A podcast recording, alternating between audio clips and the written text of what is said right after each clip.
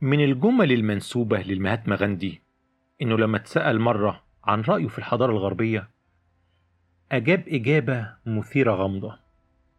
قال بيتهيألي إنها هتكون فكرة كويسة. غاندي كان مشهور عنه الإجابات اللاذعة خصوصا في كل ما يتعلق بالحضارة الغربية. آه صحيح كان معجب بالإصلاحات السياسية والإدارية اللي قدمها الغرب للعالم.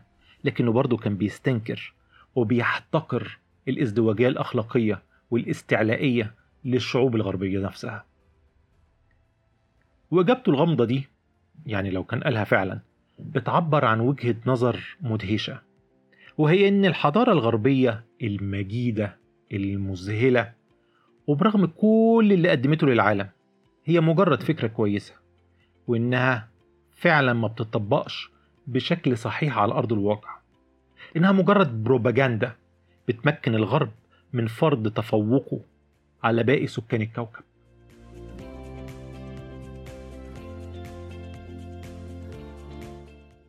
أهلا بيكم في حلقة جديدة من فواصل ثقافية.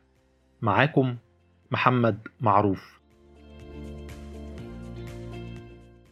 قبل ما أبدأ حلقة النهاردة أحب أنوه سريعا إني في مرحلة تحويل بعض أعمالي الأدبية لوسائط مسموعة يعني audio books معاها موسيقى مصاحبة ومؤثرات صوتية. بدأت بروايتي الصغيرة اللي صدرت أول السنة دي اللي هي دماء على ضفاف الدانوب وهي نوفيلا.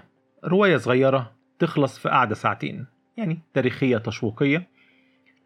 أنا سجلت أول فصلين من الرواية وحملتهم على اليوتيوب ومنصات البودكاست على قناة جديدة اسمها حكايات محمد معروف. هتلاقوا روابط الفصول المسموعة في وصف الحلقة وعلى صفحة فواصل ثقافية على الفيسبوك. في انتظار رأيكم الكريم. نرجع على حلقتنا.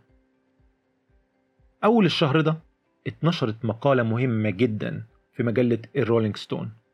ودي مجلة رغم إن اسمها يعني موسيقي روش يعني إلا إن اهتمامها الأساسي برغم ان هو منصب على المزيكا والفن عموما إلا إنها مجلة عريقة وليها تأثير ثقافي حضاري كبير في الولايات المتحدة عشان اهتمامها بنشر مواضيع سياسية وثقافية مهمة.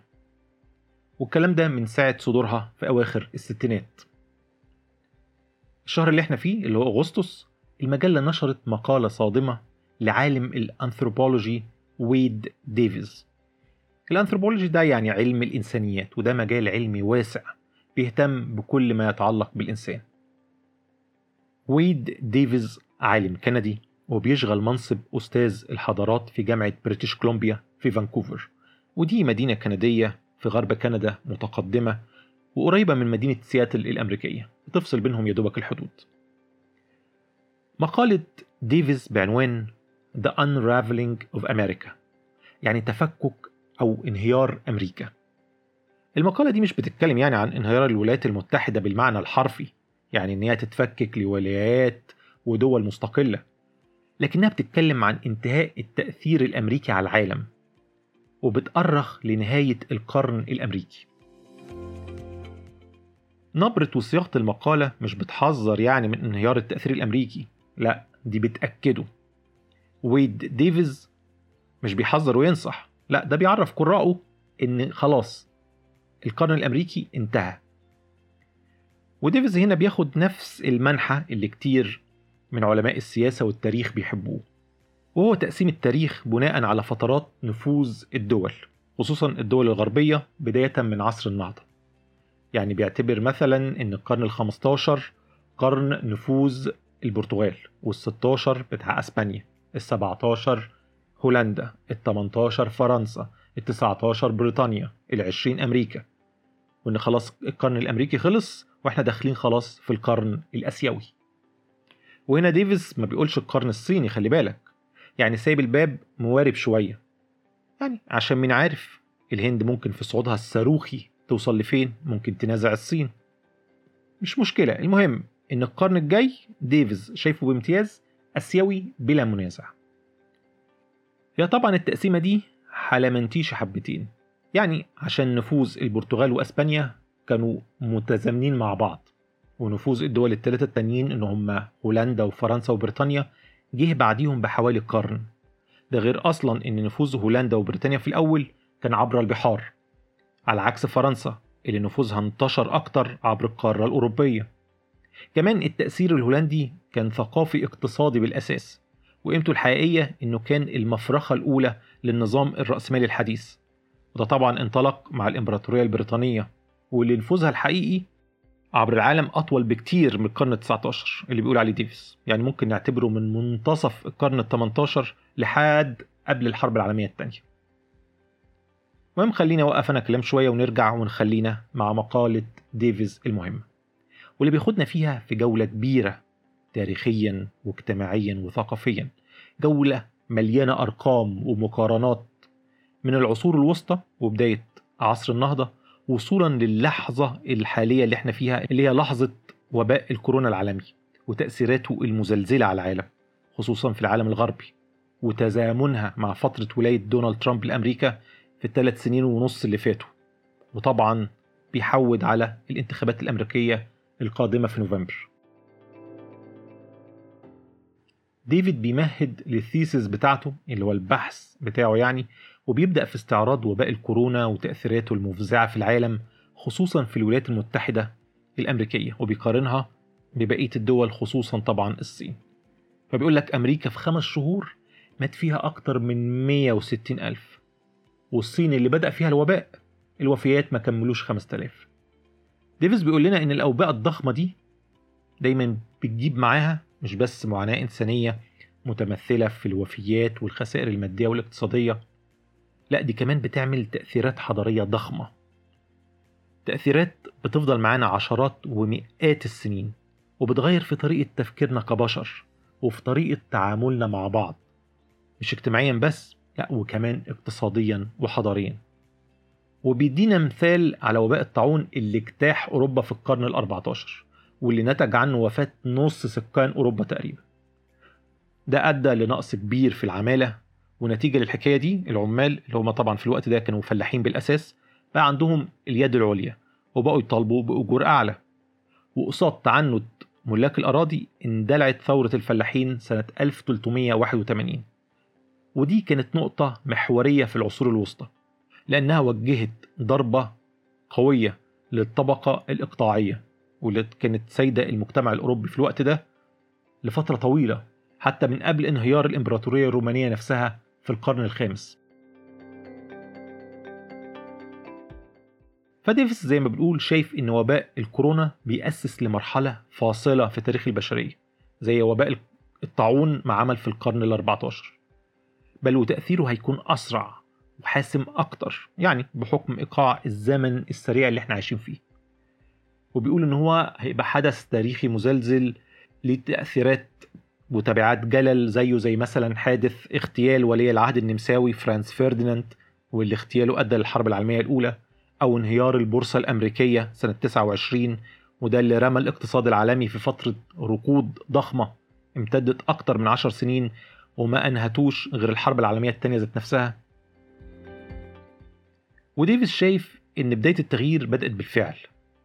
وأولها وأهمها كان كشف النقاب عن انهيار أمريكا واللي بيحصل بقاله فترة. لكن المرة دي كان في تأكيد على خسارة أمريكا المحسومة لريادتها للعالم. الكورونا كشفت أن الولايات المتحدة الأمريكية دولة فاشلة في إدارة الأزمات. أمريكا اللي كانت الملاذ الأول والأخير للحضارة الغربية طول القرن العشرين بداية من الحرب العالمية الأولى وصولا لانهيار الشيوعية في تسعينيات القرن. يعني من أول القرن لآخره دايما العالم الغربي لما يتزنق يروح لأمريكا. المحرك الاقتصادي الأمريكي كان بيلحق العالم في كل الأزمات. لكن دلوقتي في أزمة الكورونا بقى هو اللي محتاج مساعدة. لدرجة إن في جريدة أيرلندية كتبت إن لمدة قرنين من الزمن إن الولايات المتحدة كانت بتحظى بخليط من المشاعر المتناقضة من باقي العالم. يعني مشاعر حب أو كراهية خوف أو تعلق حسد أو احتقار تقدير أو غضب. لكنها في أزمة الكورونا أول مرة تثير عند الناس طبعا خصوصا أوروبا شعور جديد وهو الشعور بالشفقة. أمريكا ما بقتش هي أمريكا أو ما بقتش هي أمريكا اللي في خيال الأوروبيين. لأن أمريكا دي هي اللي في الحرب العالمية التانية قدرت في فترة صغيرة تعمل جيش تعداده 18 مليون جندي رغم إن جيشها قبل الحرب كان أصغر من جيش دولة زي البرتغال. وقدرت إنها تنتج طيارات ودبابات وأسلحة تكفي كل دول الحلفاء. يعني مثلا مصانع فورد في مكان واحد اللي هو ويلو ران كان بينتج طيارات بي 24 طيارة كل ساعتين على مدار 24 ساعة. وترسانة السفن اللي في لونج بيتش وسوساليتو كانت بتصنع سفن ليبرتي الشهيرة. كانت بتصنع سفينة كل أربع أيام ونص. بلاش مصنع كرايزلر في ديترويت. ده على آخر الحرب كان أنتج دبابات أكتر من كل الدبابات اللي بنتها ألمانيا النازية بجلالة قدرها يعني شوف النازيين كانوا مشهورين بالدبابات قد إيه. مصنع واحد بس بتاع كرايزلر في ديترويت أنتج أكتر من كل الدبابات الألمانية. بلاش. اليابان لما انتشرت في آسيا أثناء الحرب سيطرت على أكتر من 90% من إنتاج المطاط الطبيعي. راحت أمريكا والأمريكان اخترعوا مطاط صناعي وأنتجوه بكميات كبيرة كفت كل الإطارات المطلوبة للجهد الحربي لكل دول الحلفاء. وعلى رأي المثل الشهير الحرب العالمية التانية دي الحلفاء ما انتصروش فيها غير بالدم الروسي والماكينات الصناعية الأمريكية. ديفيس بقى بيقول لنا هل كان حد يتخيل إن العملاق الأمريكي ده اللي قوم أوروبا والعالم الغربي على رجليه بعد الحرب كمان يجي عليه الوقت ويبقى محتاس في أزمة زي الكورونا؟ عمال يتوسل المصانع الصينية إنها تنتج له المستهلكات الطبية بأسرع وقت. بل وحكومته وحكومات الولايات بيخطفوا الأدوية والمستهلكات الطبية من بعض. من رأي ديفيس وطبعا ناس كتير إن أمريكا في أسوأ حالاتها تاريخيا. مش كده وبس. لا وكمان بيحكمها واحد معتوه اسمه دونالد ترامب. آه صحيح. ديفيز رأيه إن ترامب مش هو سبب الأزمة الصحية الكبيرة اللي, اللي أمريكا بتعاني منها دلوقتي. سبب الأزمة إن الدولة الأمريكية باقتصادها وحضارتها في انحدار من فترة طويلة. بل والمفاجأة بقى من رأي ديفيز الانحدار ده من الخمسينات. إنما اللي حصل إن ترامب مجرد رئيس فاسد معدوم الفكر والقدرات الذهنية وكل اللي عمله إن هو فاقم الأزمة الصحية وساهم في إشعال مشاكل ثقافية حضارية موجودة بالفعل في أمريكا. وتوليه هو نفسه للرئاسة ما هو إلا علامة ونتيجة للأزمة الثقافية الحضارية دي. طب إيه السبب من وجهة نظر ديفيز في انحدار الولايات المتحدة من الخمسينات؟ هما سببين. الأول إن من ساعة الحرب العالمية الثانية والولايات المتحدة الأمريكية اتحولت لدولة عسكرية بامتياز ودايما في حالة حرب دائمة حتى لو ما بتصرحش بكده. وده أثر على البلد بكذا طريقة. أولها وأهمها هو الاستنزاف المالي المريع. يعني مثلا الولايات المتحدة من 2001 ولحد النهاردة صرفت على الجيش حوالي 6 تريليون دولار وده حوالي ربع الدين الأمريكي العام رقم مرعب جدا. تخيل بقى لو كانت صرفت المبلغ المذهل ده على البنية التحتية. يعني دي كان زمانها بقت إيه؟ الصين مثلا؟ حاجة تضحك ها؟ وتلخبط. بس تعرف إن الصين صرفت على البنية التحتية بتاعتها سواء جوه البلد أو عبر العالم مبالغ مخيفة؟ خد الرقم ده مثلا. في نفس الفترة اللي هي من 2001 لغاية دلوقتي طوال الفترة دي الصين بتستهلك كميات من الأسمنت كل ثلاث سنين قد كل اللي استخدمته الولايات المتحدة خلال القرن العشرين كله. يعني خلال 100 سنة استهلاك الولايات المتحدة الصين بتحرقه في ثلاث سنين. متخيل الصرف على البنية التحتية قد إيه؟ رقم مهول. كمان انشغال أمريكا بالحفاظ على تسليح جيشها عشان يكون على مسافة أكبر بكتير من باقي دول العالم بيخليها دايما مشغولة بالصرف وده عمره ما هيخلص عشان دول العالم بتتقدم تكنولوجيا أمريكا هتتقدم أكتر وأكتر. والدايرة المفرغة دي دخلتها الإمبراطورية البريطانية ذات نفسها في نهاية القرن ال19 بخصوص اساطيلها البحرية لما كانت في منافسة مع الإمبراطورية الألمانية. وده كلفها ميزانية مرعبة لدرجة إن بريطانيا اتخلت طواعيه عن ريادتها دي عشان تحافظ على اقتصادها. بس ده حصل عبر تحالفات كبيرة دولية. السبب التاني بقى غير الاهتمام بالجيش وبالتسليح من وجهة نظر ويد ديفيز واللي أدى للانحدار الأمريكي هو اعتناق الدولة الأمريكية اعتناقها المتطرف للرأسمالية سواء الكلاسيكية أو في ثوبها الجديد اللي هو ال neoliberalism وإنها رفضت تتطور مع الزمن زي ما حصل في أوروبا خصوصا بعد الحرب العالمية الثانية والتطور ده اللي هو الديمقراطية الاجتماعية ال social democracy. وده على فكرة تطور للرأسمالية الغربية ذات نفسها. ملوش يعني علاقة مباشرة بالشيوعية أو الإشتراكية. هو صحيح فيها اسم social وده يعني بيحدف على الإشتراكية وصحيح إنها واخدة شوية رتوش من الإشتراكية لكن فعلا ال social democracy تطور للرأسمالية. والدليل إن لسه فيها سوق مفتوح وحرية حركة لكن بشبكة ضمان اجتماعي ضخمة.